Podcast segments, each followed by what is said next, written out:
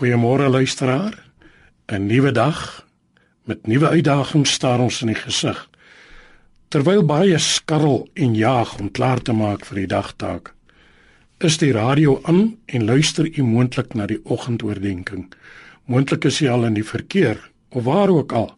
Mag u 'n geseënde dag in die Here geniet. Het u al kortweg 'n opsomming van die lewe gemaak en u seëninge getel? Ons is so geneig om ons omstandighede en gesondheidsprobleme soos berge voor ons te stel. Soms so negatief oor onsself en alles om ons. Ons vergeet so maklik dat dit eintlik baie goed gaan met ons in vergelyking met baie ander mense. Nie net in ons omgewing nie, maar ook reg oor die land en reg oor die wêreld. Ons positiewe uitkyk en benadering tot die lewe is waarin ons geluk en vrede lê.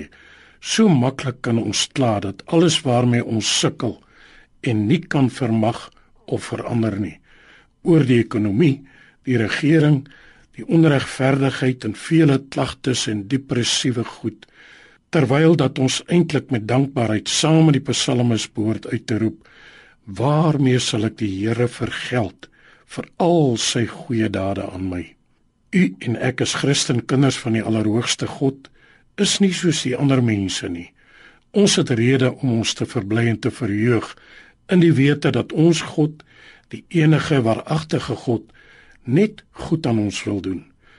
Daarvoor kan ons hom loof, eer, aanbid en prys.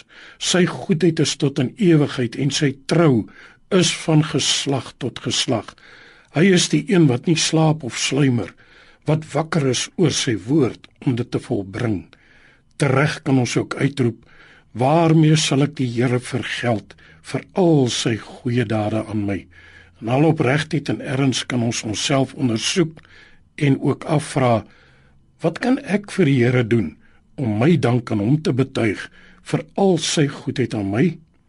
Hy het sy seun Jesus Christus aarde toe laat kom om met sy lewe vir ons sondes te betaal om ons te red en te verlos van die ewige straf wat voorberei is vir die duiwel, sy engele en volgelinge. Hy het aan ons die genade geskenk om die ewige lewe in hom deelagtig te word en sodoende vir ewig by hom te wees. Wat kan ons teruggee as bewys van ons dankbaarheid teenoor hom? Hy verwag niks van ons as om ons lewens aan hom toe te wy nie om hom onbeskaamd te bely en te dien in ons daaglikse lewe om die Christusgesindheid in ons om te dra en te openbaar net waar ons gaan en beweeg. Laat die dankbaarheid uit ons lewens vloei sonder om aandag op ons te probeer vestig sodat Christus deur ons lewens verheerlik sal word.